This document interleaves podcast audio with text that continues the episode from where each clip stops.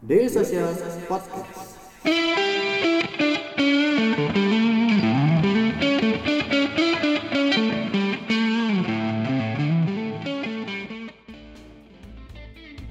Halo selamat sore teman-teman Daily Social Podcast. Ketemu lagi di ngobrolin startupnya Daily Social Podcast. Nah hari ini pengen nanya sih mas Sejauh mana sih adopsi teknologi chatbot AI di Indonesia itu perkembangannya gitu Perkembangannya sih cukup uh, impresif ya. Oke. Jadi tiga tahun lalu, uh, 2015, kita waktu itu jualan chatbot, belum ada yang percaya gitu ya. Uh, nggak ada yang percaya siapa sih mau transaksi dari uh, dan ngomong-ngomong sama robot di chatting. Terus kita uh, waktu itu kita berasa, berhasil meyakinkan Line untuk kita menjadi kita bilang Line tuh waktu itu uh, apa namanya lebih dari chatting messenger mas. Jadi bisa beli tiket sama tiket.com waktu itu beli pulsa dan lain-lain. Terus waktu itu uh, early adoptersnya uh, untuk uh, B2B untuk corporate masih rendah. Kita bisa meyakinkan edukasi segala macam. uh, terus di 2016-17 lah uh, mulai mulai ada yang mau uh, untuk corporate kita Oke. mulai uh, ini dan uh, marketnya growth ya. Jadi pemain juga mulai masuk, ya healthy. Terus kalau udah rame kita pindah lagi. Oke kita pindah lagi ke UKM. Nah, ini menurut menurut uh, uh, kami gitu uh, UKM itu banyak yang kita bisa solve uh, dan di di Indonesia itu uh, UKM itu adalah tulang bunga ekonomi. Ya, Jadi kita berusaha nge-solve yang ada di Instagram, di Line, di WhatsApp. Gimana sih caranya uh, dan juga kita mau ngasih karena AI kan selalu dibilang jadi tantangan buat ancaman buat uh, Ya. buat orang banyak. Ya. Tapi daripada ancaman kita membuat menjadi peluang. Oke Gitu. Jadi kita pengen supaya AI itu bisa dirasakan untuk UKM-UKM. Oke Berarti boleh dibilang BJ Tech ini pertamanya Atau customer pertamanya itu be- berkisar di B2B ya mas ya Pertamanya justru kita ke B2C. Oke, Iya, B2C. di Bang Joni dulu produk pertamanya. Jadi kita mulai dari produk, baru kita rilis platformnya. Platformnya oke. itu supaya orang bisa bikin kayak Bang Joni. BJTech ini sebenarnya Bang Bang Joni Teknologi. Oke berarti BJ Tech itu adalah Bang Joni Teknologi Iya. Betul gitu. sekali. Karena kan orang banyak yang mau nanya tuh, eh, mau dong bikin eh, kayak Bang Joni gitu. Ya udah, kita bikin nama BJTech. Oke, berarti saya kira B- BJ Text itu bahasa apa gitu kan? Ternyata Agak ambigu memang gitu kan, BJ. BJ kan ya. Keren ya? Oke lah kita kan gitu. Tergantung ini emang tuh eh, supaya kenapa karena namanya BJ supaya ditanya gitu. Bercanda itu Bang. Joni Teknologi lah. Hmm. Oke, saya kebayang nih eh, para foundernya ngasih nama BJ Tech. Kenapa BJ Tech biar ditanya? Oke, Hmm. oke, cukup menarik gitu. Karena kita laki-laki. Oke, nah Mas, kalau di luar negeri ini saat ini kan penerapan chatbot itu atau virtual assistant itu udah udah udah udah lumayan jauh lah ya Mas ya. Dan katanya sih katanya udah udah sangat canggih banget gitu. Yes. Nah, mungkin saya agak kurang percaya kalau misalkan eh, Mas Aceh ini belum pernah merasakan hal itu secara langsung gitu. Nah, menurut Mas Mas Aceh di luar itu penerapan chatbot atau virtual assistant yang paling sophisticated gitu. Menurut Mas Aceh itu di mana dan seperti ya. apa? Google.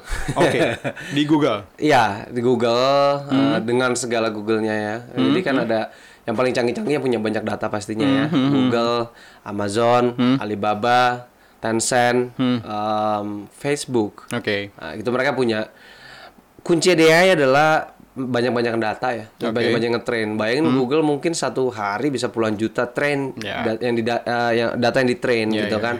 Sehingga yang paling canggih adalah Google. gitu. Oke. Mungkin menjadi bisa jadi Terminator atau apa. Oke.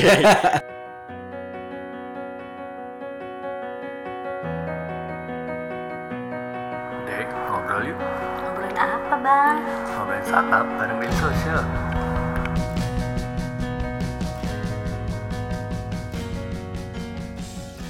Daily Social Podcast. Kalau itu kan itu eh, untuk dari segi eh, bisnis ya Mas ya, Iya. dari segi perusahaan. Kalau misalkan dari segi negeri lah, Ya. kita bandingkan perkembangan di Indonesia gitu. Menurut Mas yang yang harus ditiru itu perkembangan di mana gitu? Dari Ah, dari iya. dari segi chatbot atau virtual assistant. Alhamdulillah ya di Indonesia itu stage-nya biasanya kita suka terlambat ya. Oke. Stage-nya itu mirip-mirip. Mirip-mirip, Mirip-mirip oke. eh, sama perkembangan di di dunia lah ya. Kita Hmm, bisa bilang walaupun jauh banget ya. Tapi artinya biasanya kan teknologi itu datang 4 5 tahun kemudian. Hmm. Tapi ini untuk AI eh, spesifik untuk NLP ya. eh, di bahasa Indonesia sampai sekarang library-nya belum ada yang punya banyak. Hmm. Eh, itu cukup cukup mengesankan. Nah, kalau di di luar negeri menurut saya China pasti secara implementasi paling kuat ya AI-nya. Karena cuma beberapa aja yang bisa ini. Tapi kalau untuk segi talent itu pasti Amerika. Karena di Amerika itu em, semua orang hebat di dunia ada di sana. Oke. Jadi butuh talent, tapi Amerika itu jagonya bikin, gitu, kasarnya gitu. Tapi implementasi jagonya China. Nah, kalau kita mau co- eh, contoh adalah kita contoh dua-duanya, gitu kan. Ambil Oke. yang baik. Oke, berarti eh, produksinya Amerika, Yap. Eh, implementasinya China. Betul Gitu. sekali. Oke. Nah, sekarang itu kita berbicara tentang perkembangan di luar dan perbandingan aja dan Indonesia, Mas. Mhm. Kalau dari segi konsumen, Yap. sejauh mana sih mereka menikmati atau merasakan manfaat dalam menggunakan virtual assistant? Apakah mereka sudah menggunakannya sebagai layanan yang utama atau masih cuman sekedar opsional aja? Jadi eh, saya pernah ngobrol sama satu eh, orang Indonesia di di di Jepang ya, Eh, foundernya Batara itu namanya. Dia bilang kalau kalau di Jepang tuh dulu orang nanya mau na- nyara- nyari jodoh Oke. tuh sama pendeta, ya kan. Oke. Terus nanya sama teman, ya kan. Nanti ke depan tanya sama mesin, Oke. ya kan. Sudah terjadi apa belum? Sudah. ya kan. Ada namanya Iya. Tinder dan lain-lain, iya. ya kan. Seberapa eh, apa namanya tergantungkah kita? Hmm. Mas kalau nyari jalan ke sini gitu ya, ah, keluar Kemang lah, nggak Iya. pakai Waze, kira-kira bisa nggak? Bisa. Bisa Tapi banget sih. prefer pakai, ya Nah, kan? iya. Lama-lama kayak sekarang kita kalau nggak ada Waze kayaknya nggak nggak aman nih. Iya. Ini macet apa nggak segala macam. Insecure jadinya, Iya ya. kan? itu dia yang yang uh, salah satu yang AI sama uh, manusia itu uh, teknologi itu kan tools ya. Hmm, Dulu tools pakai batu gitu kan. Nanti ke depan ya toolsnya uh, pakai AI tadi. Oke. Bukan ke depan sih sekarang Ya, sebetulnya. sudah dimulai Sudah mungkin ya? dimulai nyari uh, hotel ya kan sekali klik hotel yang paling murah ngikut terus Ya. gitu kan. Ada Google Ads, ada Facebook Ads, uh, Waze, um, Google Search Engine. Uh, even sekarang kalau kita makan GoFood ya, Iya. Kita lihatnya ada AI-nya, ya kan Iya, basic betul. recommendation, Nah, ya kan. ha. Jadi kalau dibilang di Indonesia apakah sudah, secara tidak sadar Hmm. itu sebetulnya kita sudah hampir um, menggantungkan hidup kita dengan AI. Oke. Iya. Cuman tidak tidak secara terang-terangan mungkin ya kita ya. Tidak sadar kali ya. Tidak sadar. gitu kan Oke. karena kan Hmm. teknologi ketika sudah terbiasa uh, maka akan menjadi menjadi bukan suatu bukan menjadi hebat lagi. Hmm, Contoh kalau kita pakai uh, smartphone apakah itu dibilang high tech hari gini? Nggak juga. Biasa aja sih Ya kalau kan? sekarang. Mobil ya Biasa kan? aja. Iya Nah. gitu. Jadi memang uh, itu prinsipnya. Dan kalau dia sendiri itu akan ada namanya early stage, Hmm, uh, early adopters ya. Siapa yang early adopter? Contoh kan misalnya yang pertama kali pakai sekarang yang pakai mm, Alexa atau kun uh, mungkin pakai Google uh, Voice gitu, Google Halo juga mungkin masih beberapa. Hmm. Ya. Even Waze. Ya. Waze juga mungkin generasi kita gitu kan, tapi kan mungkin yang yang yang lebih senior masih oh mereka karena mereka bukan early adopters. Ya. Kalau bicara pertanyaan adalah early adopters di Indonesia, customer-nya apakah banyak apa tidak?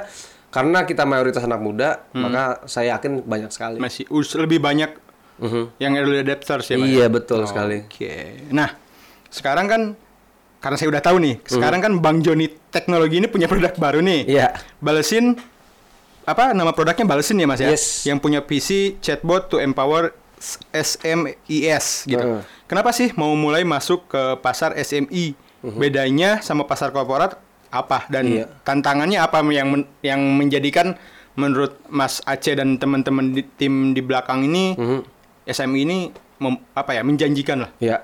Pertama SME itu eh, sekarang pertama udah jelas ya, itu adalah backbone of economy. SME itu kalau bisa dibilang mereka itu bukan pilihan kalau Oke. buat dagang karena kalau nggak dagang bisa mati ya Oke. kan. Kalau corporate dia butuh nggak butuh gitu ya. Dan sekarang kita lihat trennya adalah semuanya menjadi jualan ya. Karena ada um, Tokopedia segala macam, Bukalapak, uh, ada Instagram gitu. Maka pasarnya besar banget dan uh, biasanya yang di target market kita yang udah mulai growth itu kewalahan chat customer sehingga Ya. butuh otomasi Ya, gitu. ya, ya. Terus yang gede juga begitu, butuh otomasi. Nah, itu yang kita lihat um, promising banget dan bukan hanya di, di Jakarta. Customer kita banyak juga di daerah. Mungkin karena juga mm, apa namanya eh, nggak banyak pilihan juga kali ya. Jadi eh, di mana ada eh, walaupun variatif ya, tergantung industri apa segala macam.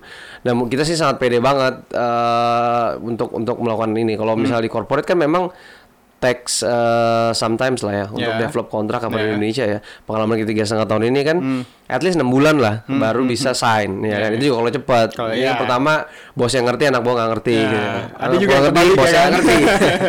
Akhirnya baru ntar tendernya atau apanya uh, enam bulan kemudian, tujuh bulan kemudian. Jadi um, saya nggak bilang itu jelek karena itu butuh juga buat bayar gaji kan. Tapi ya kita mencoba di sini. uh, we hope uh, kita bisa uh, jalan sih. gitu. Oke, berarti untuk saat ini eh, Bang Joni teknologi ini lebih fokus di SMI ya Mas. Yes betul sekali. Melepaskan korporat. B2B dilepaskan berarti. Eh, karena platform kita kan udah ada ya, Em, jadi effortnya itu mungkin eh, lebih banyak di SMI lah. Oke, effortnya. tapi kalau misalkan korporat ada yang mau masih tetap masih jalan, kita masih ada Oh, beberapa oke. klien sih. Heeh. Tunggu dulu Ferguson. Ada apa? Belum selesai. Nah, balik lagi nih masih sama Mas Aceh Harahap, da CEO-nya Bang Joni Teknologi. Mas, tadi kita eh, udah ngomongin tentang perkembangan AI dan apa yang eh, Bang Joni Teknologi lakukan hari ini gitu. Yep. Nah, sekarang saya pengen tanya sih, Mas. Pada awalnya, kenapa sih eh, Mas dan teman-teman founder atau teman-teman tim dari Bang Joni Teknologi ini memilih untuk berbisnis di dunia AI? Ya, eh, pertamanya kebanyakan nonton TV pas masih kecil. Oke. Ah, jadi kebanyakan berimajinasi gimana Hmm. kalau gimana kalau gimana kalau gitu kan. Terus kita lihat em, kalau dulu ya di film-film ya, Hmm. ini selalu referensinya film karena film Ya. sci-fi biasanya itu em, punya dasar yang kuat secara Hmm, ilmiah, tapi belum bisa dilakukan pada waktunya. Hmm, Kalau kita lihat film-film zaman dulu robot tahun 90-an lah yang nggak usah jauh-jauh, Hmm. 90 itu biasanya robotnya fisik, ya kan? Kenapa? Karena aktivitas fisik. Hmm. Sekarang robot itu pasti nggak akan kelihatan wujudnya, cuy, kayak Ya, jin ya. ya, betul.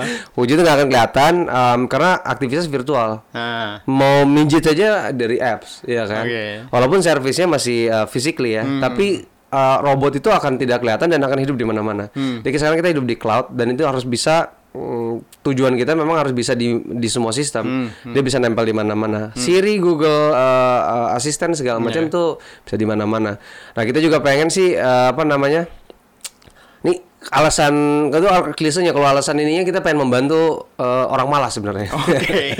Membantu orang malas. Iya, karena orang malas belum tentu nggak produktif kan. Iya. Iya dong, Nah, ya kan. Malah orang malas bisa lebih kreatif Iya, kan. cuman dia Nah. terlalu malas untuk bergerak atau apa gitu kan. Tinggal pengen ngomong gitu kan. Hmm. Ah, di perjalanan uh, secara historis perjalanan manusia kan kayak gitu kan. Iya, betul. Hmm. Kalau sekarang dibilang malas, kalau dulu gitu kan eh, masa lu eh, mau pergi aja naik kendaraan orang biasa jalan gitu orang zaman dulu kan gitu.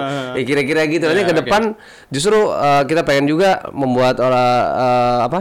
banyak orang bisa merasakan manfaatnya si robot ini gitu Hmm. Oke. untuk ma- berbagai macam hal lah. Oke. Um, makanya um, apa namanya tujuan kita adalah uh, visi kita adalah chat- uh, AI for everyone gitu. Oke, berarti memang dari awal eh, Bang Joni Teknologi ini sudah bergerak di bidang AI. Yap, yap dari, Dari awal awal sekali. berdiri sampai sekarang. Uh, memang tujuan kita memang untuk memudahkan. Jadi Hmm, simplicity dan um, semua orang bisa pakai. Hmm, Semua orang bisa pakai. Even kalau di, uh, di di apa pedagang gitu sampai ke warung-warung bisa pakai. Hmm. Itu itu itu challenge dan tujuan kita sih. Oke. Nah, Hmm. sekarang mungkin eh, saya akan lebih nanya lebih detail lagi saya Mas ya, atau Yap. ya boleh dibilang lebih kembali lagi ke awal-awal waktu eh, Bang Joni Teknologi ini berdiri gitu, Mas. Mhm. Sestruggling apa sih Mas bikin bikin startup ya terutama di Mhm. dunia AI yang mungkin secara physically orang-orang nggak lihat secara langsung gitu. Iya betul sekali. Memang uh, namanya kalau saya sih believe sih uh, pengusaha itu uh, masalah mental ya kan jatuh bangun biasa tapi masalah mentality. Karena di startup terutama apalagi dunia AI gitu. Siapa sih Indonesia gitu Iya, kan? Talentnya siapa sih gitu kan? lu siapa kenapa apa teknologi luar negeri segala macam segala macam. Nah kita harus uh, membuktikannya ini yang sekarang lagi apa namanya uh, challenging ya. Uh, dari awal chatbot kita kenalin ke seluruh uh, banyak orang di Indonesia um, siapa sih mau chatting apa segala macam terus long the way jalan gitu kan sampai sekarang. Itu pasti banyak uh, tantangan ya. Tapi yang saya saya lihat sih uh, teman-teman di kita nih di Indonesia ini kadang-kadang merasa inferior nih gitu kan. Oke. padahal mm, kita dulu pada waktunya eh stage sama. Jadi kita waktu itu connect sama Uber bisa pesan Uber dari Bang Joni tiket.com gitu-gitu. Di Amerika juga sama gitu Oh, oke. even ada waktu kalau KLM atau apa gitu Tapi kita kadang-kadang suka ah masa sih gitu. Mereka kan sekolahnya A B C D gitu. Iya. Mereka punya ini tapi cu- Iya, kita harus crazy enough sih. Kalau nggak dan harus believe in ideas gitu, harus jadi believer lah. Memang sampai sekarang pun kita selalu membuktikan. Nih, kayak SMI kan semua orang bilang, wah SMI nggak bayar, SMI ah, gini gini gini. Kita believe um, SMI itu bayangin nggak tujuan kita tuh pengen kayak eh, orang punya orang dagang, tinggal masukin eh, tinggal masukin apa namanya dagangannya dia, Iya. jualan sendiri, Iya, enak kan? Ha, ha, ha. eh apa namanya kalau eh, bencana-bencana kita kan eh, yang punya jualan jalan yang punya jalan-jalan gitu Ya. enak banget kan itu Oke, kita bisa oke. membantu orang nah itu kan konsep-konsep kayak gitu kan eh, kita harus apa ya kita harus percaya ya. jadi harus believe banget dan seluruh tim harus eh, visinya sama Oke. kalau enggak nggak mungkin nggak ada tantangan jatuh bangun tuh biasa lah Oke. gitu kan naik turun naik turun atas bawah gitu kan sampai kita juga baru secure funding um, segala macam lah kayak gitu jadi mentality sih uh, kuncinya menurut saya Oke. dan never stop learning Never stop learning. Iya. Oke. Jangan lupa subscribe Ngobrolin Startup Daily Social Podcast di SoundCloud, Spotify, atau aplikasi podcast favorit kamu. Nah, saya jadi keingetan nih, Mas. Hmm. Kalau misalkan kita berbicara tena- tentang SMI gitu kan, yang otomatis ya itu menengah ke, ke bawah lah ya, Mas ya, boleh dibilang. Uh, bisa iya bisa enggak Oke, cuman kebanyakannya gitu kan ya. Ah, enggak juga sih Oh enggak Ah, juga. ah. Ba- jadi masih banyak ini.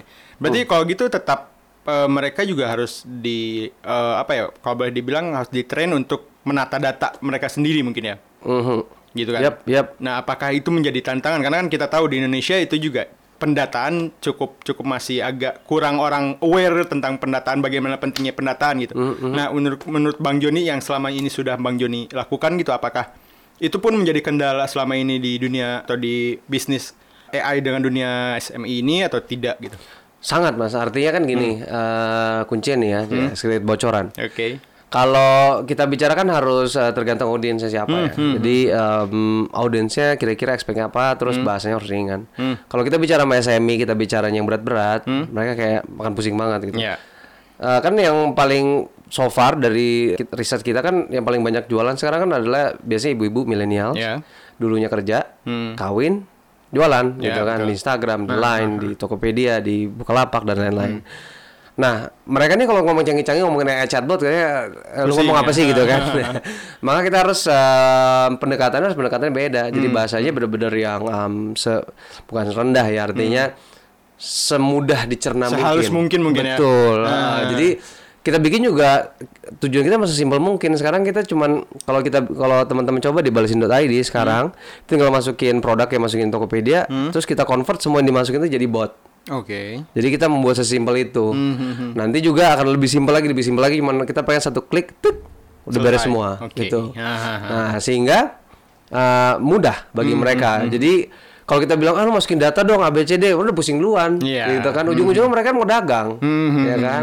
Jadi tantangannya kita ada mungkin teman-teman juga semua uh, mungkin seluruh dunia juga membuat AI itu menjadi lebih uh, bikin uh, bikin itu lebih manusiawi kali Oke. ya, gitu. itu sih intinya mas. Jadi lebih lebih lebih sederhana. lah. Oke. Tapi kan kita tahu simplicity is the most sophisticated thing kan. Ya, betul. Jadi ya, ya kita berusaha lah. Ya, oke. Wah, udah banyak juga ternyata yang kita obrolin ya gitu. Mungkin eh, karena waktu juga terbatas, ya mungkin seperti biasa teman-teman Mas C ini datang ke Daily Social HQ ini untuk apa ya, menjadi pembicara di sesi Selasa Startupnya Daily Social gitu, setiap hari Selasa. Mungkin terakhir aja mungkin nih Mas, karena waktu juga ini akan saya tagih ke setiap pembicara. Tips and trick atau saran untuk para pemula bisnis di sana atau para calon-calon founders startup-startup baru di sana tentang mendirikan startup atau tentang berbisnis di Indonesia itu seperti apa mungkin silahkan Iya, eh, mungkin saya eh, bukan orang tepat untuk ngasih ngasih saran nih, karena masih belajar juga. Hmm. Oke. Jadi em, saran saya sih yang pertama kita harus kuat mental ya, mentality mental, oke. Hmm. everything. Secara tim semuanya, terus tadi harus believe sama ideas, terus harus eh, mendengar. Ini kadang-kadang kita Oke. suka lupa mendengar gitu kan. Oke. Eh, mendengar dan mendengar dan mendengar, terus never stop learning dan yang terakhir adalah just do it sih. just do it Ah, oke gitu. jadi segala sesuatunya just do it Yes, Oke, gitu aja mungkin teman-teman pen- pendengar podcast. Terima kasih Mas Aceh. sama-sama Terima kasih mas. udah mau diajak ngobrol di Daily. Social Podcast. Teman-teman juga terima kasih sudah mendengarkan Daily Social Podcast edisi BJ Tech atau ternyata hari ini kita udah tahu Bang Joni teknologi artinya gitu kan kepanjangannya. Nah, mungkin eh, untuk episode kali ini segini aja. Sampai jumpa lagi di episode berikutnya. Terima kasih teman-teman.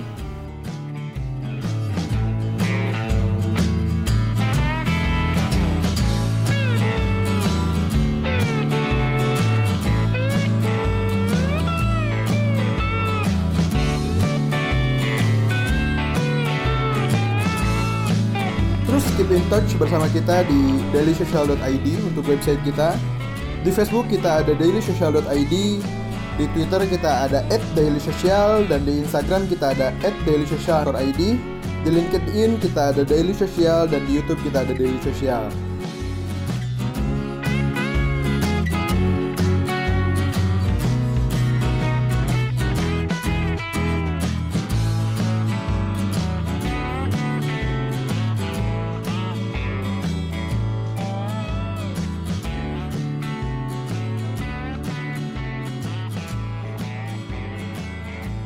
Social Podcast.